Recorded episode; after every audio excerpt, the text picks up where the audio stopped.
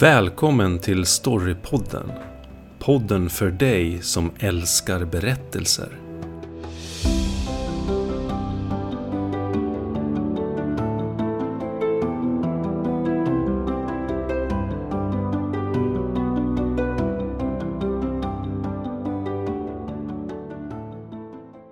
Hej och välkomna till Storypodden med Olof Tideman och Rickard Eklund.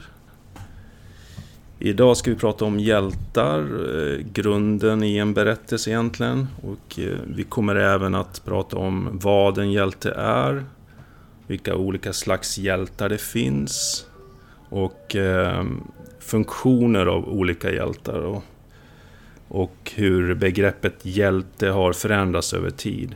Och vi kommer då nämna hjältar som verkligen har funnits och hjältar i berättelser och fiktiva verk. Då. Men vad är då en hjälte?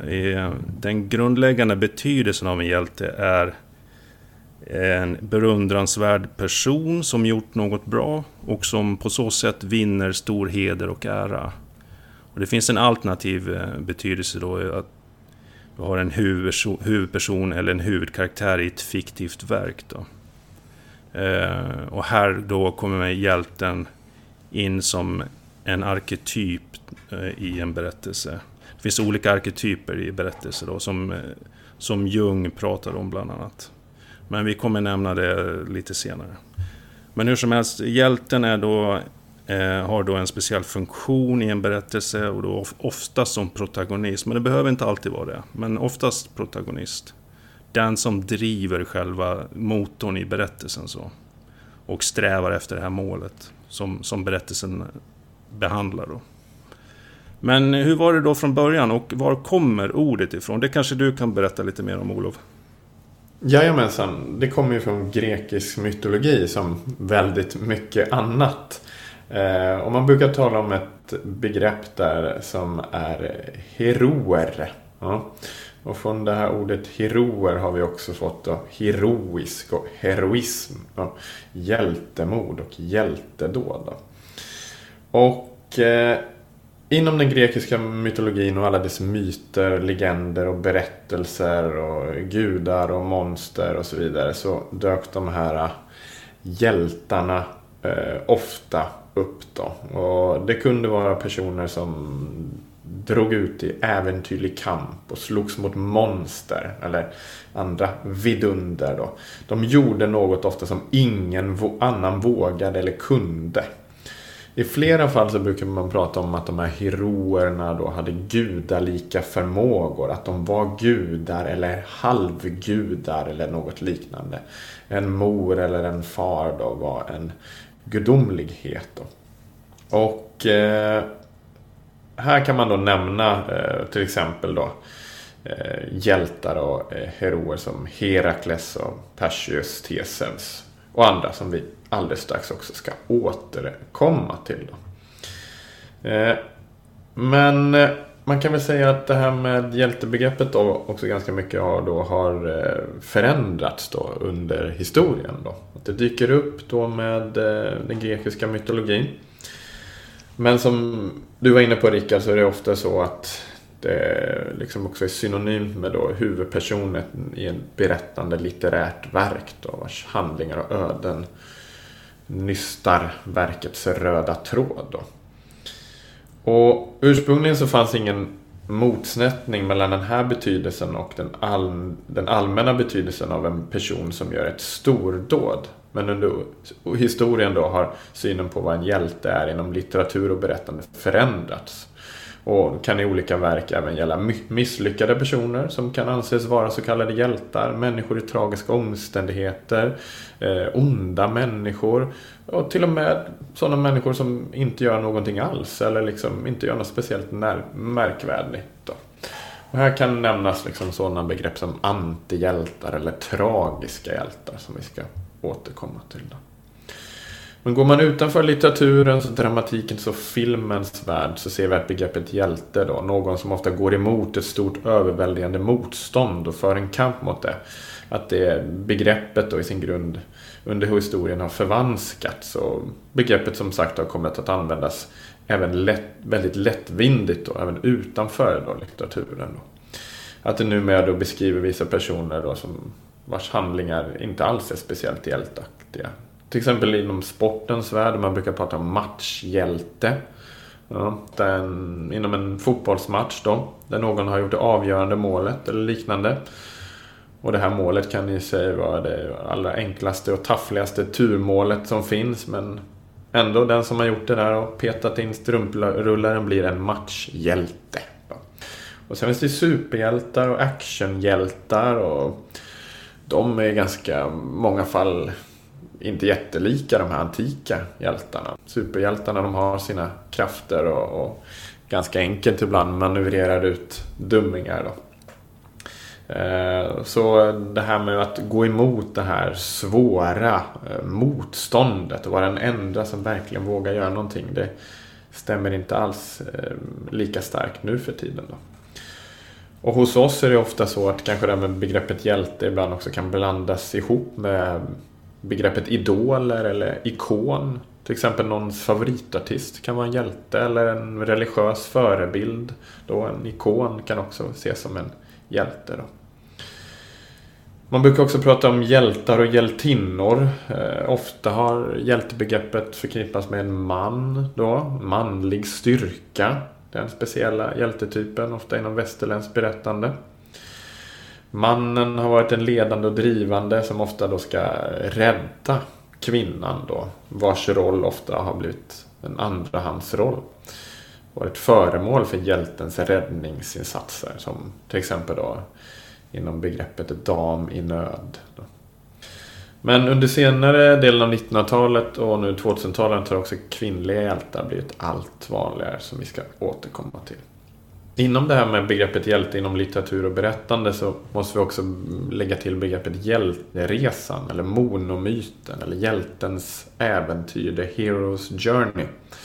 Vilket är ett begrepp och ett berättarmönster då som brukar användas inom det som brukar kallas för komparativ mytologi. Så jämförelser mellan olika mytologiska berättelser från olika delar av världen. Och det här begreppet blev allmänt känt genom Joseph Campbell, mytforskaren, med sin bok The Hero with a thousand faces, Hjälten med tusen ansikten. Och eh, även många moderna berättelser och dess narrativa struktur, såsom inom Hollywoodfilmer, används ofta den här liknande hjälteresan då, som Campbell brukar berätta om ett gemensamt drag för många huvudkaraktärer och hjältar i olika historier. Då. Men det här är något som vi ska återkomma till i, i andra avsnitt. Då, till exempel i vårt avsnitt om den så kallade Hollywood-mallen. Då. Ja, det var lite om vad hjältar är och har varit sådär då. Eh, att det är ett liksom väldigt mångfacetterat begrepp då.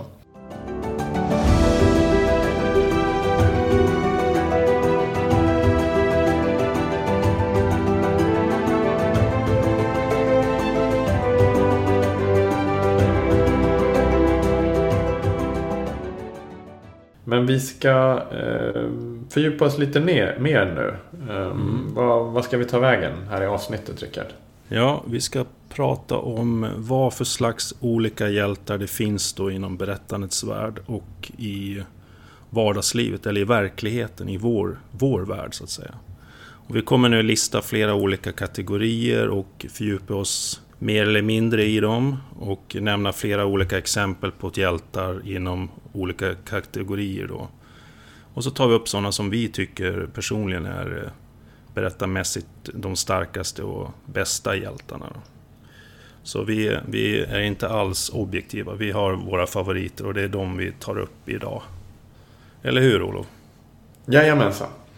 Och vi börjar lite från grunden då ändå, som vi var inne på här med grekisk och romersk mytologi. Där de här så kallade då liksom hjältarna dyker upp först. Självklart har det funnits huvudkaraktärer som har haft hjälteliknande drag långt före eh, den grekiska och romerska mytologin för cirka 2000 år sedan. Då. Men eh, ändå det här eh, startskottet brukar man ju prata om, som sagt om grekisk mytologi och de här heroerna halvgudar eller människor som verkligen går emot ett stort, stort motstånd.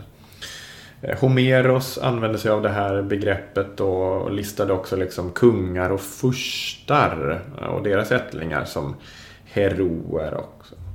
Man pratade också väldigt mycket ofta om män då. Man pratade om styrka, mod, insikt, duglighet också. Då. Och ofta då att de här ändå någonstans liksom hade något gudalikt i sig och långt tillbaka hade någon släkting som var någon form av eh, gud. Då. Och eh, sådana kan ju nämnas då så som till exempel då Herakles eh, eller eh, Herkules som man kallas för inom den romerska mytologin och bland annat hans tolv stordåd som ju är berömda. Men det finns många andra berättelser om Herakles och Herkules också. Men han brukar man ju säga var en slags halvgud och en hero då som både hade det här gudalika draget men också drog iväg på de här otroliga eh, äventyren. Då. Sen finns det ju många andra då klassiska hjältar eh, som man brukar prata om. Perseus till exempel. Han som eh, drog ut på äventyr och bland annat då besegrade monstret Medusa. Eh, är en sån där klassisk hjälte. Vi har också Teseus, en annan stor hjälte inom den grekiska mytologin. Som eh, bland annat ju eh, var den som reste till Kreta och tog sig an odjuret Minotaurus i labyrinten och lyckades till slut eh, besegra det här övernaturliga eh, vidundret. Men det finns ju hur många som helst egentligen då. Eh, en av mina favoriter är ju Odysseus då. Hjälten från Odysseen som också dyker upp i Iliaden. Där Homerus berättar om eh, belägringen till slut, erövringen av Troja. I Iliaden är Odysseus en av många hjältar tillsammans med Achilles, eh, Paris, Hector och så vidare. Och många av dem gör verkligen hjältedåd. Men i Odysseen är ju huvudkaraktären då och hjälten på flera sätt då endast Odysseus då. Och den handlar ju den här stora diktverket eh, om hur han ska ta sig hem från Troja över haven till eh, Ithaka hemön då. Och varför är min sådär lite favorithjälte inom den här kategorin av hjältar är väl för att det är först första en helt fantastisk historia och Odysseen med otroliga eh, spännande händelser. Eh, men också då Odysseus i sig som ju många sådär litteraturvetare har, brukar berätta liksom eller nämna som eh, en av de liksom verkligen första på något sätt moderna hjältarna. Om man kan prata om modernismen under grekisk mytologi. Men alltså att en, en hjälte som verkligen tänker till och tänker flera varv. En mångfacetterad och liksom mer bottnad eh, karaktär. Som har ett, liksom ett känsloliv men också kan grubbla lite och, och fundera. Eh, liksom den mångförslagne Odysseus brukar man ofta prata om. Han som alltid har liksom tricksen i lådan med sig. Som kan lura alla, som funderar eh, hur han ska lösa olika eh, mysterier eller gåtor och så vidare. Många andra hjältar menar man ofta har varit ganska sådär liksom mer enkelspåriga, dragit upp eh, svärdet liksom och gått i kamp liksom. Medan då Odysseus då, eh, ja, använder mer av, av kanske huvudet på något sätt och, och eh, är mer en tänkande eh, karaktär. Och därför då, enligt mig och säkerligen många andra, en, en ganska så spännande då eh, hjälte. Vad har du eh, ja? Jo, jag har Jason och det gyllene skinnet.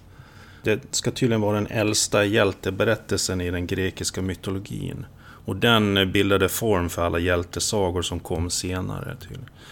Det ingår i en stor saga, eller en sagocykel, står det till och med någonstans. Att där hjälten Jason eh, reser i sitt skepp Argo för att hämta det här gyllene skinnet. då. Och eh, han behöver det här skinnet för att kung Pelias i staden Iolkos vill avstå sin tron om Jason ger honom det här gyllene skinnet som har magiska egenskaper. Så han beger sig ut på sitt skepp då och med sina sjömän som kallas Argonauterna och eh, upplever massa faror och massa äventyr och det de träffar harpyor och det är massa som händer under vägen liksom. Och han, han blir också kär i eh, kungens eh, dotter Medea som har en avgörande betydelse för, för att han klarar av det här. Då. Hon ger honom en, bland annat en trolldryck då, som gör honom temporärt osårbar. Och på det, på det sättet kan han till slut lägga beslag på det här skinnet. Då. Eh, men sen vänder sig hon mot honom till slut. Så det, den har lite allt möjligt. Det, det, är en dåtida, ska man säga, road movie med fast på vatten då och eh, kärlek och även kärlek som vänder sig eh, och blir, blir liksom lite ond på något sätt. Ja, det, det är en spännande saga liksom. Jag gillar den. Jag tror att jag, jag varför jag gillar den är väl att jag såg någon halvkass eh, tecknad film när jag var liten ungefär. Mm. Så det är, väl, det är väl där den mm. fastnade första gången. Mm. Sen dess, ja, jag faktiskt gillar det... de här, sen dess har jag faktiskt gillat de här grekiska och romerska myterna. De, är, de, är mm. lite, de, har, de har någonting faktiskt. Jo, de har ju något närmast evigt eh, i mm. sig och de har ju varit otroligt liksom, eh, inflytelserika när det gäller liksom all annan eh, narrativ och annat berättande. Och det jag tycker är fascinerande hur många av de här hjältehistorierna och legenderna och myterna hur de vävs, vävs samman på olika sätt. Liksom. Här får man möta, som du pratar om, Jason och så tar du upp Medea. Medea har ju sen, sen en egen, liksom, egen storyline i den här ja, stora virrvarvet av grekiska myter och legender. Och eh, jag tycker ändå de är ganska intressanta för vi kommer sen komma till de här hjältehistorierna där det ofta är väldigt mycket sådär gott och ont. Men inom, inom eh, grekiska mytologin så är det inte alltid så helt klockrent eh, ont och gott. Visst, det finns hemska monster och så vidare. Men det kan lika gärna vara hjältar som får hybris då. Att de tror de är som gudaväsen. Och sen helt plötsligt blir de eh, straffade för det. Liksom.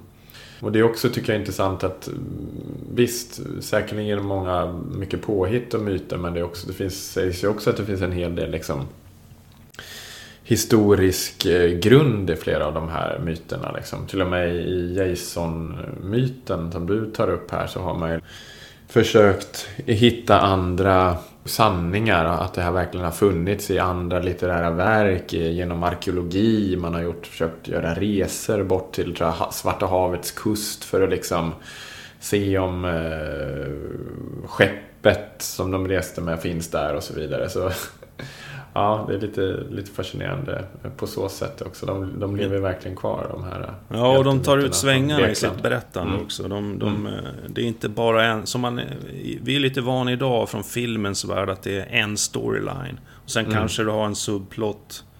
Mm. En, en, ja, en bihandling som är lite sådär, tugga på lite grann. Och sen, mm. Men här är det verkligen, det händer det och sen... Sen kommer de till de här, de här förtrollande sångerna här och du vet, det, det, det händer mycket, men samtidigt, samtidigt är det ju en slags, vad ska man kalla det, en allegori över mm. mänsklig utveckling och hur vi löser problem på något sätt. Verkligen. som, som, verkligen... Som, som då nämner alltså, alltså vår, våra problem som människor i världen på något sätt. Mm. Jo, verkligen. De var ofta så ganska spot on och, och ganska mm. hårda i vissa fall. Liksom. Det skiter mm. sig för flera av de här också. Då, men... Det finns, ja, eh, finns mycket sagt, att hämta. starka hjältar. Ja.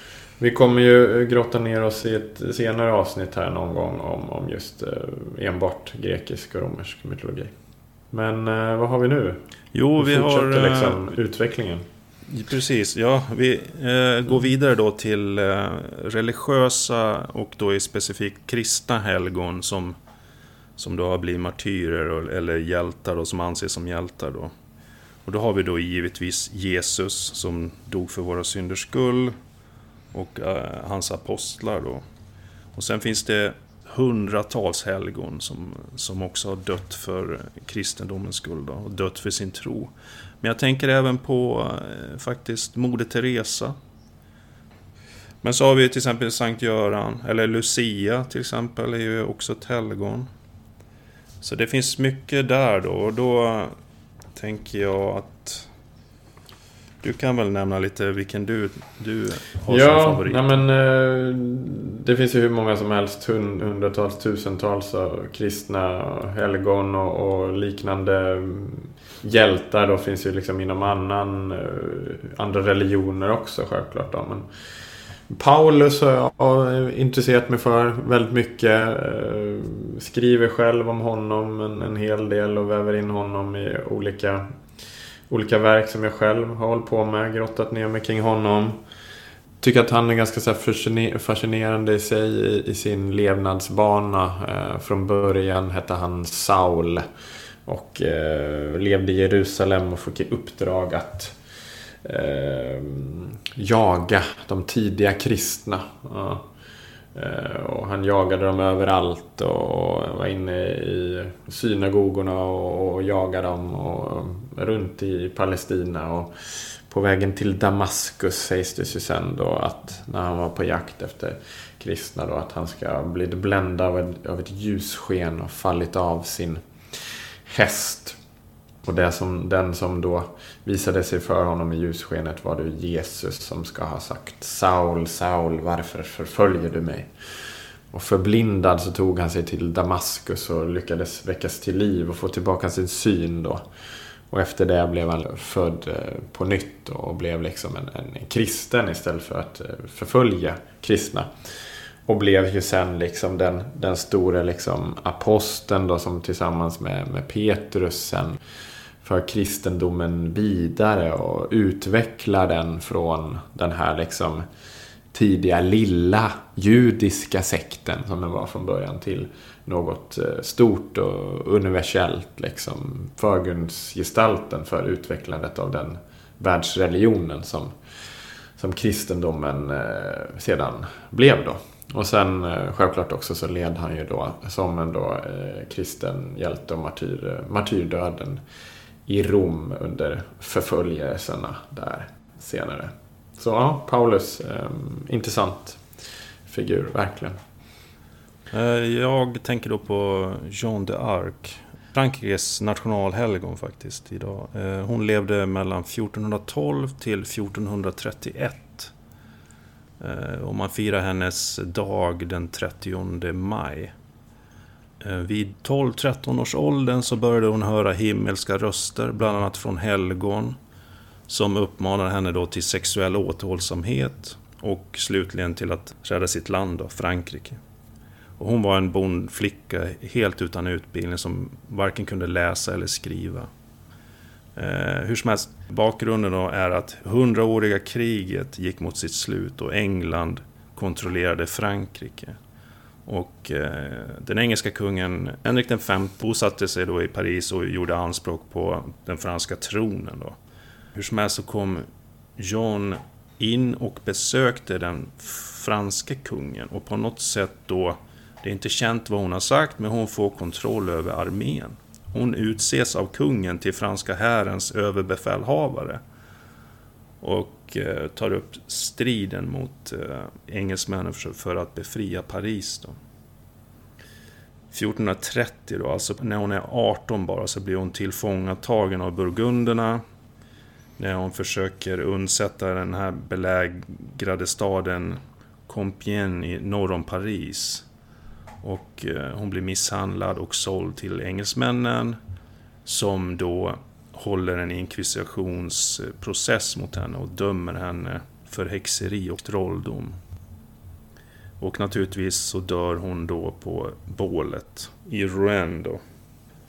Och så sprider de hennes aska i Seinefloden. Men det tog ju ända fram till 1920 förrän hon helgonförklarades av den dåtida påven då. Och hon är eh, skyddshelgon för soldater idag.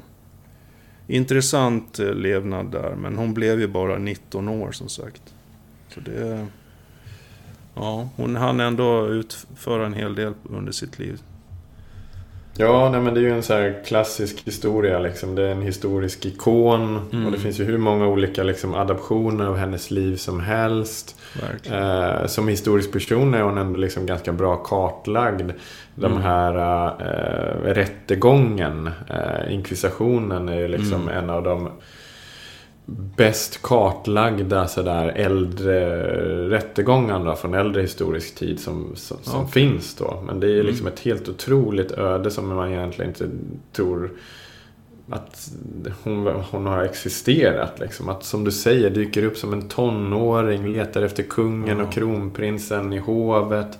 Blir Ja. den som liksom blir en fanbärare för fransmännen i det här eh, skiten de har satt sig i med att engelsmännen kontrollerar nästan hela deras land. Och så blir hon den här unga flickan, bondflickan från Orléans, den som tar liksom fransmännen tillbaka och börjar Ja. liksom den här återkomsten där fransmännen Ja, sakta men säkert Mm. återtar sitt, sitt land. Ja. Och hon är ju en hjälte då som har använts på olika sätt också måste man säga. Liksom, eh, det finns liksom olika historiebruk av henne inom liksom kristendomen som soldater för Frankrike och, och så vidare. Så, så hennes öde och hur, hur, hur hennes eh, symboliken kring henne och hennes berättelse har använts är ganska fascinerande. Eh, måste, man, måste man verkligen, verkligen säga. Då. Ja, hon är väl ett eh, exempel på en hjälte som för samman ett folk och gör dem stolta över sitt, eh, sitt ursprung på något sätt och sitt land. Ja, de användes ju mycket under nationalismens era. Eh, slutet av 1800-talet och början av 1900-talet när fransmännen var inblandade i så många olika krig. eh, Många av dem mot, mot tyskarna till exempel. Och, och då många då kände att man behövde en, en nationalistisk symbol att, att samlas Ja. kring. Och då fanns hon ju självklart med sen tidigare liksom. Och då började man använda sig av henne ännu mer liksom. Eh, för att samla folket. Ofta blir de där krigiska hjältarna eller de där krigiska personerna blir ju, blir ju lite, används ju lite fel. Jag tänker på Karl XII, vår då. Vår kung. Mm. Visst. Och hur han utnyttjas i, i andra syften på något sätt. Ja, verkligen. Det måste man verkligen Det är säga. också intressant egentligen, men det är en annan, det är en annan fråga vi, vi kanske inte behöver ta upp nu. Men... Ja, nej, men, menar, många hjältar har ju kapats av, av Mm. olika grupper och, och säkerligen kommer sånt fortsätta eh, i vår, våra dagar också. Olika syner på hjärta, hjältar, olika identifiering med, med dem. Liksom. Mm. Men, eh, ja, man kan ju fråga sig vad Jean d'Arc hade sagt själv om, om all, all eh, användning av hennes, hennes eh, liv egentligen. Ja, ja. vad det Ja. blev. Mm. Mm. Men eh, ja, en fantastisk hjältehistoria.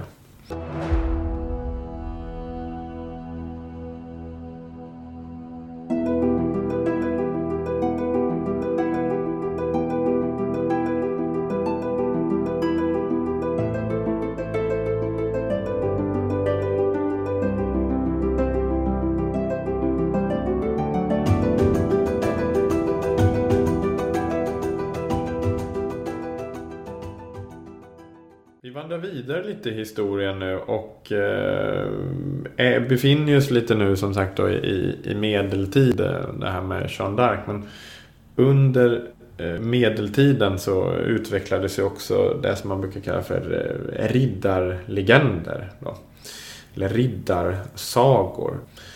Och eh, riddarna är ju självklart då krigsståndet, eh, krigarståndet, adeln eh, som då befrias från eh, eh, skatteplikt men då eh, måste då hålla eh, häst och, och vapen och, och skydda kungen då i de här feodala medeltida samhällen som byggs upp i, i Europa då. Och kring de här eh, riddarna som klär sig i rustning och, och rider till häst och, och så, så, så vävs det ju då många olika slags berättelser. Då. Och det är berättelser om höviskhet, hur man ska vara som en riddare, hur man ska hjälpa fagra damer i nöd. Att man ska strida för kungen, lojalitet, eh, sanning, kämpa, ge sitt allt, ge sitt liv, den kristna tron, mycket symbolik. Eh, svärdet, skölden, rustningen, eh, turnerspel, visa sitt hjältedåd, tävla, kamratskap med andra riddare och så vidare. Då. Och så utvecklas det då massor med riddarberättelser kring de här eh, riddarna som då sen lästes upp i de olika hoven och så vidare. Då. Och många av de riddarberättelserna berättade om riddare eller personer som eh, och som ofta kom från en ännu äldre tid också då. Och många av berättelserna vävdes då eh, kring till exempel då eh, liknande karaktärer som, som kung Arthur. Den mytomspunna brittiske konungen. Och hans riddare kring det runda bordet. Då. Eh, otroligt eh, populära berättelser som, som spreds eh, över i Europa om äventyr och, och hjältedåd. Då. Och, och, det finns också någon form av tankar kring historisk Eh, sanning också. Att Arthur själv då möjligen också skulle ha funnits någon gång. Liksom långt innan riddartiden om man säger så. När romarna drog sig tillbaka från Britannien under 400-talet och sen saxarna kom in och så. att Kung Arthur då eh, ska ha levt under, under en eh, sådan tid då. Och han dyker upp i olika krönikor och så vidare. Men sen senare, kanske under 11 och 1200-tal, då, då eh, blommar ändå den här hjältecykeln som man pratar om kring, kring kung Arthur ut ännu, ännu mer. Och det blir helt magiska resor ibland. Då. Och han är väl min personliga favorit själv då i allt det här. Eh, kung Arthur som från början ofta också då i flera av de här myterna sägs ha varit liksom någon form av bondpojke men som har någon slags eh, bakgrund ändå i eh, kung, kungaättlighet. Men han eh, får en ganska enkel uppfostran men tar som sen då hand om sin mentor då, trollkarlen Merlin. Som bland annat i vissa historier leder honom till det här svärdet i stenen. Ett svärd i en sten och som en symbolik och en eh, har en funktion för att den som kan dra upp svärdet ur den här stenen då ska vara Englands rättmätige konung. Och under orostider då så behövs det en samlande gestalt och det blir ju då Arthur och han bygger upp ett hov i Camelot, gifter sig med Guinevere och samlar alla de allra tappraste riddarna kring sig i det här eh, fantastiska hovet. Då.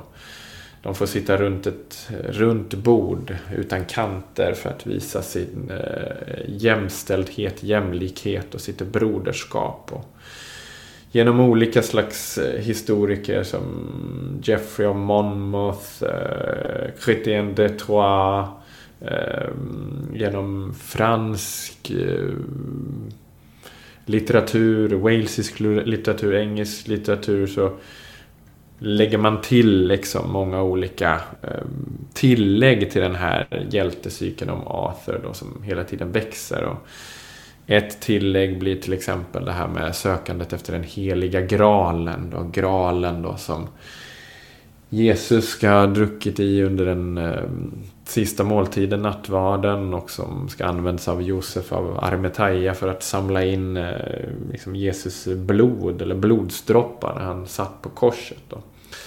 Men den här symbolen, eh, heliga graalen, då är liksom någonting som betyder sanning och dygdighet. Och lyckas man hitta den så kommer liksom Camelot att leva för evigt och det kommer bli på något sätt fred på jorden. Och de här riddarna drar ut på alla fantastiska äventyr och möter monster och motståndare och så vidare. Och där finns ju Lancelot och Galahad och, och många av de andra berömda eh, riddarna. Och sen är det också självklart en kamp mellan gott och ont. Liksom att det finns eh, ja, sådana som inte är lika ense med eh, Arthur. Till exempel eh, Mordred som är väl eh, egentligen då hans eh, ja, son med en eh, annan häxliknande figur med den här sonen som går i kamp mot honom. Och i en av de här legenderna så är det ett slutgiltigt slag till exempel mellan Arthur och Mordred som slutar med att Arthur dör. Mordred också. Och Arthur skickas ut till Avalon. Den mytomspunna ön och in i dess dimmor. Men en dag sägs det att han ska återkomma tillbaka när England är i som störst nöd. Och då ta tronen igen och föra England till fred och, och seger. Mm, en av de här stora legenderna är det ju eh, inom världshistorien då. Eh, Arthur-myten. Ja. Ja, nej, jag tänkte på Beowulf faktiskt. En annan eh, gammal heroiskt epos eh, som utspelar sig ungefär i samma tid tror jag. Eh, ja, kanske 500-tal eller något brukar ja, man prata något om. Sånt. Ju... Under folkvandringstiden säger de ja. i alla fall. Mm. Som, är, som då är mellan slutet av 300-talet till 560-570 någonting där, tror jag. Mm, mm. Eh, hur som helst, Beowulf-kvädet då är skriven på fornengelska och utspelar sig i södra Skandinavien, närmare bestämt då Danmark, tror man. Och eh, handlar om den här hjälten Beowulf som är en, ja, han, han har tre fiender som han strider mot i sitt liv. Då. Dels monstret Grendel som föröder kungsgården Heorot och dess invånare i Danmark. Och så Grendels moder då. Och senare i sitt liv, efter att ha återvänt hem och blivit kung, så, så strider han mot en drake då. Och den här draken eh, sårar honom dödligt då i ett slutligt slag där. Och Beowulf dör och kremeras och eh, man reser en stor hög till hans eh, minne. Den här är då en eh, lite intressant epos för språkexperter så har tittat på det här. Det, det skrevs under perioden år 700 till 1000 ungefär. Och har 3183 rader då, så det, det är väldigt stort. Liksom. Och det är det enda större överlevande anglosaxiska hjältediktverket så att säga. Så att i England ses det då vara ett nationalepos då, trots att det utspelar sig i Skandinavien. Då. Men intressant eh, saga eller epos också tycker jag. Det finns ju fler sådana här. Sigurd Fafners bane och det finns några sådana här eh, gamla riddarlegender som är intressanta. Mm. Ja, men de är intressanta. Liksom. Det, är också det här liksom, intressant för oss. Då. Alltså, det, vi pratar om liksom, vår forntid här i Sverige. Ja, men det finns ja. många liksom, tolkningar om att eh, vissa av de här berättelserna i Beowulf-kvädet utspelar sig i, i Sverige. I liksom, eh, mm. olika folkgrupper som möts. Götar och svear. Och vem var Beowulf själv egentligen? Och så vidare. Och man kan ju fråga sig om, om det har funnits Beowulf-kvädet har liksom varit ännu större tidigare i vår egen historia. Liksom, det har levt kvar väldigt mycket som ett som du är inne på, ett, liksom ett fornengelskt eh, verk liksom, som har blivit en nationalklenod i Storbritannien. Och hos oss har det inte lika stor status. Men man frågar sig också kring liksom, historiciteten. Liksom, har Beowulf eller något liknande någon gång funnits i Skandinavien? Har vi haft tidigare verk hos oss som är försvunna? Liksom, till exempel. Då? Det pratar man ju bland annat i svensk historieskrivning om liksom hur medeltiden försvann. Liksom, och alla dess eh, gamla textverk till exempel med att eh, slottet till Kronor brann, brann 1697. Att stora delar av biblioteket där med massa gammal litteratur har försvunnit.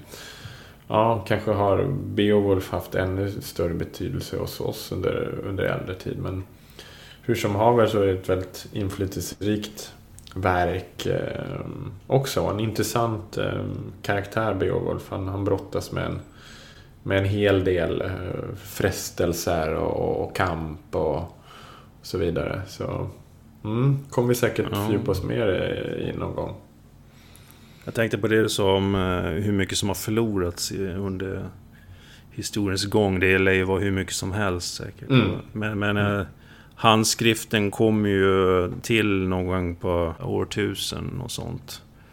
Eh, och eh, i alla fall i, i Skandinavien vad jag vet. Man börjar med skriva med runor och kanske lite tidigare faktiskt. Men, men då man börjar sammanföra mm. större verk så i alla fall. Precis, så, det... så säkerligen det som du säger att det kanske inte fanns något, något skriftverk innan som, som berättade om det. Nej, man hade ju runorna liksom. för tarken mm. och det, det, var ju mm. liksom problem att kanske skriva mm. väldigt mm. långa verk i, i, mm. i, mm. i, runor så, även om det fanns Frågan är om den fanns, kvädet fanns Frågan är om kvädet fanns kvar liksom som en muntlig tradition då under äldre tid. Liksom, eh, innan, under folkvandringstid på något sätt. Liksom, eh, eller innan vikingatiden eller något sånt där. Det, ja, jag vet inte. Vi har ju egentligen bara kristna mm. ögon på vår, eh, vår ja. urhistoria och vikingatiden. Mm. Och det är ju jätte olyckligt. Är det. Det, det hade ju... Ja. ja, men vi har men ju Snorre, Snorre Sturlason från Island där. Också självklart ett lite, delvis ett kristet öga. Men han mm. har väl inte nämnt, nämnt så mycket just om Beowulf-kvädet. Men han berättar om liksom ändå liknande liksom, mm. historier. Sådär. Mm. Ja, ja, intressant. Vi får efterforska vidare.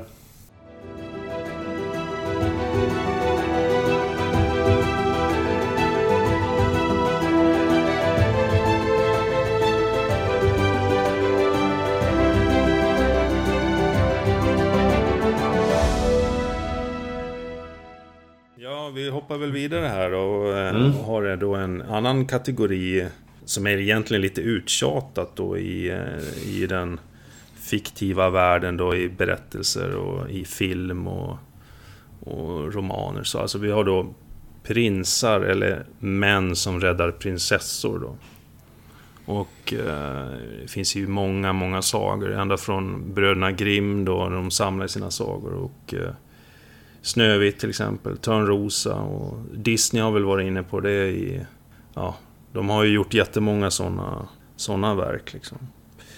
Men eh, jag har ju inte så mycket att säga. Jag tänkte då på Aladdin och eh, Jasmine som hon heter i, i filmen. Men, men eh, prinsessan heter då i Tusen och en natt. Då heter hon Badrul Badur. Som är dotter till en sultan då. Och eh, Eh, en av de här gamla sagorna i, i den här sagosamlingen då från Mellanöstern. Då. Men jag tror, du, har du något du vill prata om där eller? Nej, egentligen har jag väl inte jättemycket att säga. Jag har ingen direkt eh, favorit när det gäller just någon slags hjältekaraktär i sådana här sagor. För att, som du är inne på, att de hjältarna är ofta ganska sådär enkelspåriga. Eh, de dyker upp och, och räddar någon, någon, flicka i nöd. De är liksom eh, dygdiga och ganska tråkiga. Liksom. Ja. Eh, ja, jag gillar väl mer liksom sådana här nya takes liksom, som man har tagit på sådana historier. När man liksom spelar med de här sagoprinsarna. Till exempel i Shrek-filmerna till exempel. Då, mm. liksom.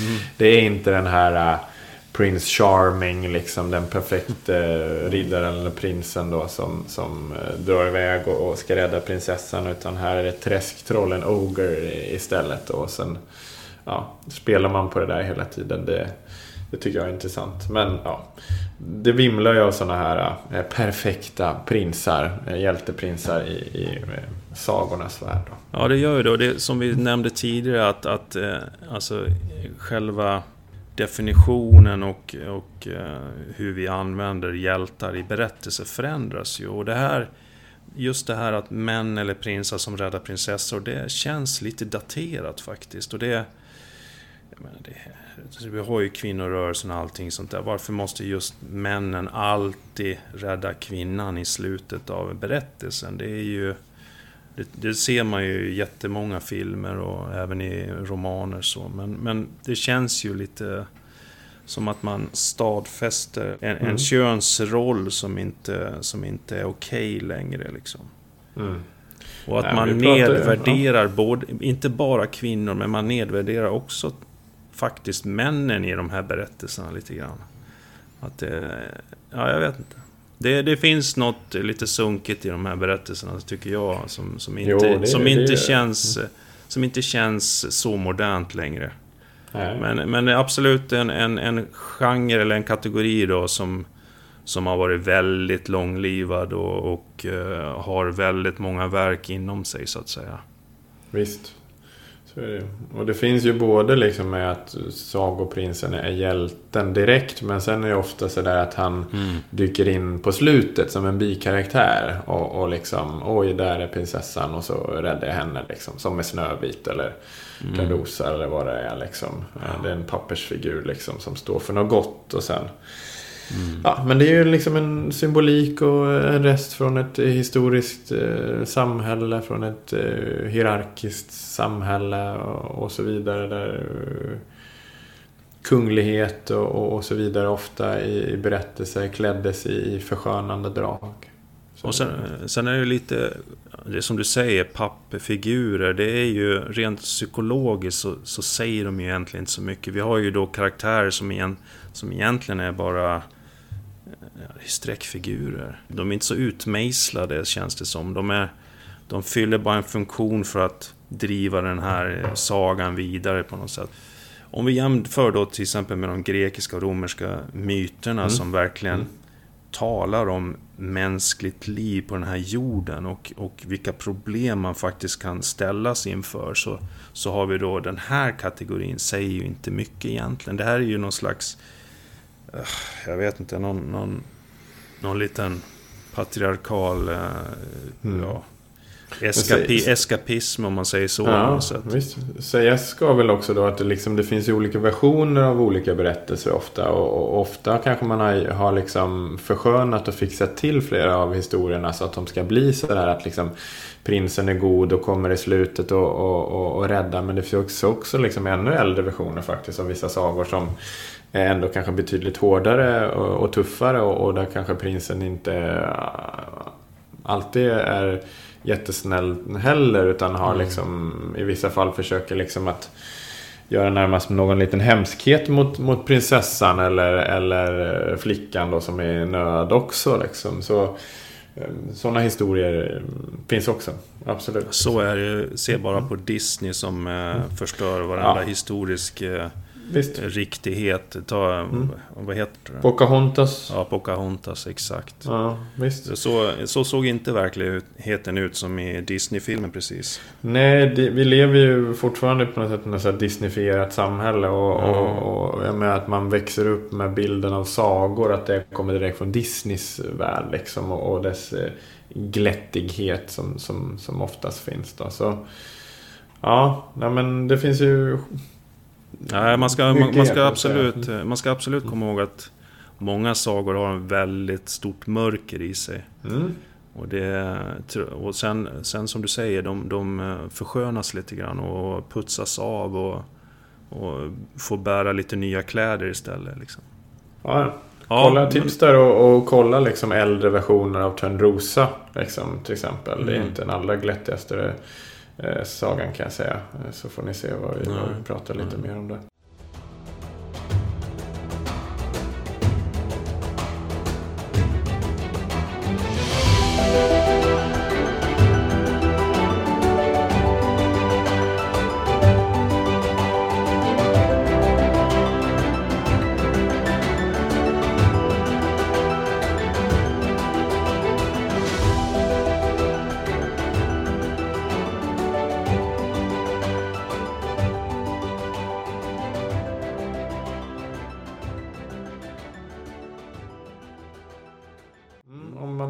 Fortsätter lite utvecklingen och sådär så, så dyker det då eh, senare också eh, upp då en, en hjältekaraktär som är betydligt mer kom, komplex och, och blir otroligt starkt symbolisk då. Eh, och det är ju en karaktär då mm, vars berättelser utspelar sig under någon form av medeltid då.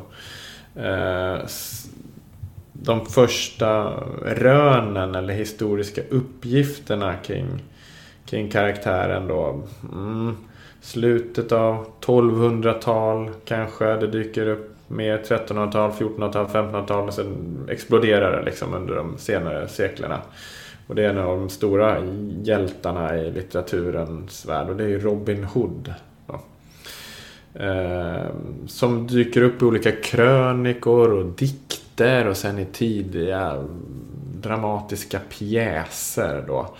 Och sakta men säkert har ju liksom nya varianter av Robin Hood och dess stora hjältepsyke liksom växt på med nya karaktärer och nya attribut. Och han tar olika roller och, och, och, och så vidare då.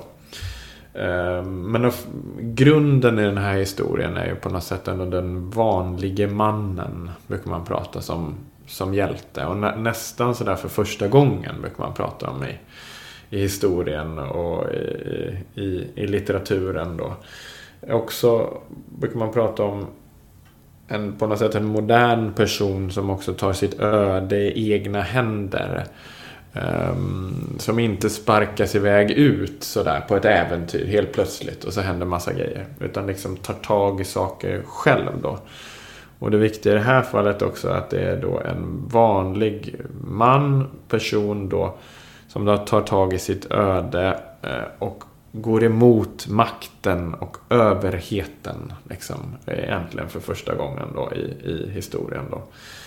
Eh, att bli sin egen lyckas smed brukar man prata om när det gäller eh, Robin Hood. Då. Som sen då iklärs då rollen som eh, upprorsledare och eh, fredlös då och eh, går till kamp mot den ofta användbara skurken då, sheriffen av Nottingham. I ett medeltida England då som möjligen kan vara eh, pratar man om det kan vara 1100-tal, det kan vara 1200-tal, det kan vara 1300-tal eller, eller något liknande. Och den här settingen kan också flyttas genom olika legender. Då. De tidiga legenderna och diktverken berättar om Robin Hood som en yeoman. Det betyder en självägande bonde. Att han möjligen var det då. Och man pratar ju då om, och pratar än idag om, har han funnits på riktigt? Det finns många liksom misstänkta, kan man säga, som ska vara liksom ur Robin Hood. Då. För senare då i historien och olika verk så dyker det upp då att man använder just av begreppet. Han var en Robin Hood-karaktär eller han var en Robin Hood-typ. Eller det dök upp flera Robin Hoods och gjorde uppror. Så han blir också liksom en symbol för den här frie upprorsledaren då. I de här äldre diktverken då så pratar man möjligen om att eh, startskottet för upproret kan ha varit då till exempel då missnöje med skatter eller att eh, den här personen då gjorde någonting då som var olagligt. Man tar upp i flera fall då eh, att man ska ha skjutit då och jagat hjort hjortar. Och det fanns lagar om att hjortarna endast var för, för kungen då, eller kungens män. Då. Och då ska det ha blivit förföljelser och han blev fredlös och samlade en skara kring sig och gick till attack då mot den här sheriffen eller senare mot eh, prins John, då, John Lackland. Då. Eh, och då kring Robin Hood så dyker ju då självklart upp andra karaktärer som vi känner till. Då. Lille John, eh, Broder Tuck, Friar Tuck till exempel. Will Scarlett. Allan i Dalen, Allan från Dale till exempel. Eh, och Marion, hans kärlek, är också en, en, en tidig eh, figur i, i detta. Då. Och det är Robin Hood och hans Merry Men och det är sånger och danser och det är gemytlighet och, kamratskap då, som kretsar kring, kring detta. Och senare då lägger man till då andra detaljer då som att han möjligen då eh, är en kämpe för en rättmätig konung. Ja. Rickard Lejonhjärta som har dragit iväg på det stora korståget och lämnat då eh, Eh, makten till sin eh, bror då, eh, prins John, John Lackland då, som är en ondskefull typ och inte rättmätig då. Att Robin då ska se till att fixa biffen och, och, och slå tillbaka eh, prins John och hjälpa eh, Rickard Lejonhjärta på något sätt att styra England och komma tillbaka till tronen. Då. Och sen till exempel under 1800-talet då lägger man till ännu fler detaljer. Man de här speciella liksom händelserna med Robin Hood möter Lille John på, på Spången över ån till exempel. Eh, och de slåss med käppar och så vidare. Men också Howard Pyle som är en stor eh, författare som återberättade Robin Hood-legenden. Placerar ju också honom i det här fallet då, som en adelsynglig och kallar honom för eh, Robin of Loxley. Och inte alls som den här självägande bonden som Robin Hood nämns som eh, från början. Då. Och ja, De andra litterära verken, filmerna och dramatiseringarna är otaliga. Det kom någon halvdan eh, film här bara i år tror jag och de, de kommer fortsätta komma för det finns något evigt i den här berättelsen liksom med den enkle mannens kamp mot, mot överheten. Eh, som började bli vanligare och vanligare just under medeltiden då i eh, ett samhälle där kungarna försökte ta större och större makt. Eh, Grogrunden för nationalstater, ett skatteväsende, lagar och regler och så vidare. Där dyker liksom Robin Hood-legenden upp och får näring och sprids från Storbritannien till Europa och Sverige och blev genast, genast populära. Och för mig själv är ju liksom hela den här legenden liksom på något sätt min ingång i, i liksom sagor och, och berättande. Att eh, ha en historia från, från min liksom, familjehistoria där min mamma kommer och ska hämta mig på förskolan, på dagis. Och hon undrar var Olof är någonstans. Och eh, förskollärarna säger att eh, ja, nej, men eh, han har inte varit ute så mycket idag. Han sitter längst in på förskolan. Och så går mamma eh, och letar och går runt i rummen och hittar mig längst in på förskolan. Och då sitter jag med en sån här band och bok. En sån här Disney-versionen med räven Robin Hood och hörlurar. ja, och så bläddrar jag i boken samtidigt och är helt uppslukad totalt fascinerad. Liksom. Det, det, är min väg in i hela berättandet. Och sen dess har ju liksom Robin Hood varit liksom på något sätt min, min store hjälte. Liksom, som jag alltid har... Sen, dess, liksom, sen dess var du körd? Ja. Ja, sen dess var jag körd liksom. Och har varit det sen dess. Och jag har dykt ner i den här legenden och myten och läst hur mycket som helst. Och Jag kan sitta och prata här i flera timmar. Men ja, eh, en, en hjälte som är liksom i, i vår vårt avsnitt här liksom har sin egen karaktär, eller sin egen, sin egen kategori. För då måste man säga att Robin Hood-legenden ändå är i sig. Den är, den är liksom en sån stor legend inom det västerländska berättandet och i, i liksom berättandet kring vad en, en hjälte kan vara och har varit. Där avslutar vi första delen av det här avsnittet och det här ämnet. Fortsättning följer i del två.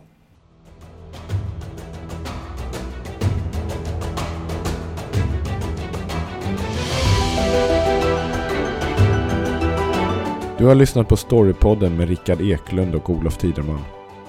Fler avsnitt, mer info och tips hittar du på www.storypodden.se. Vi finns även på sociala medier i form av Facebook, Twitter och Instagram.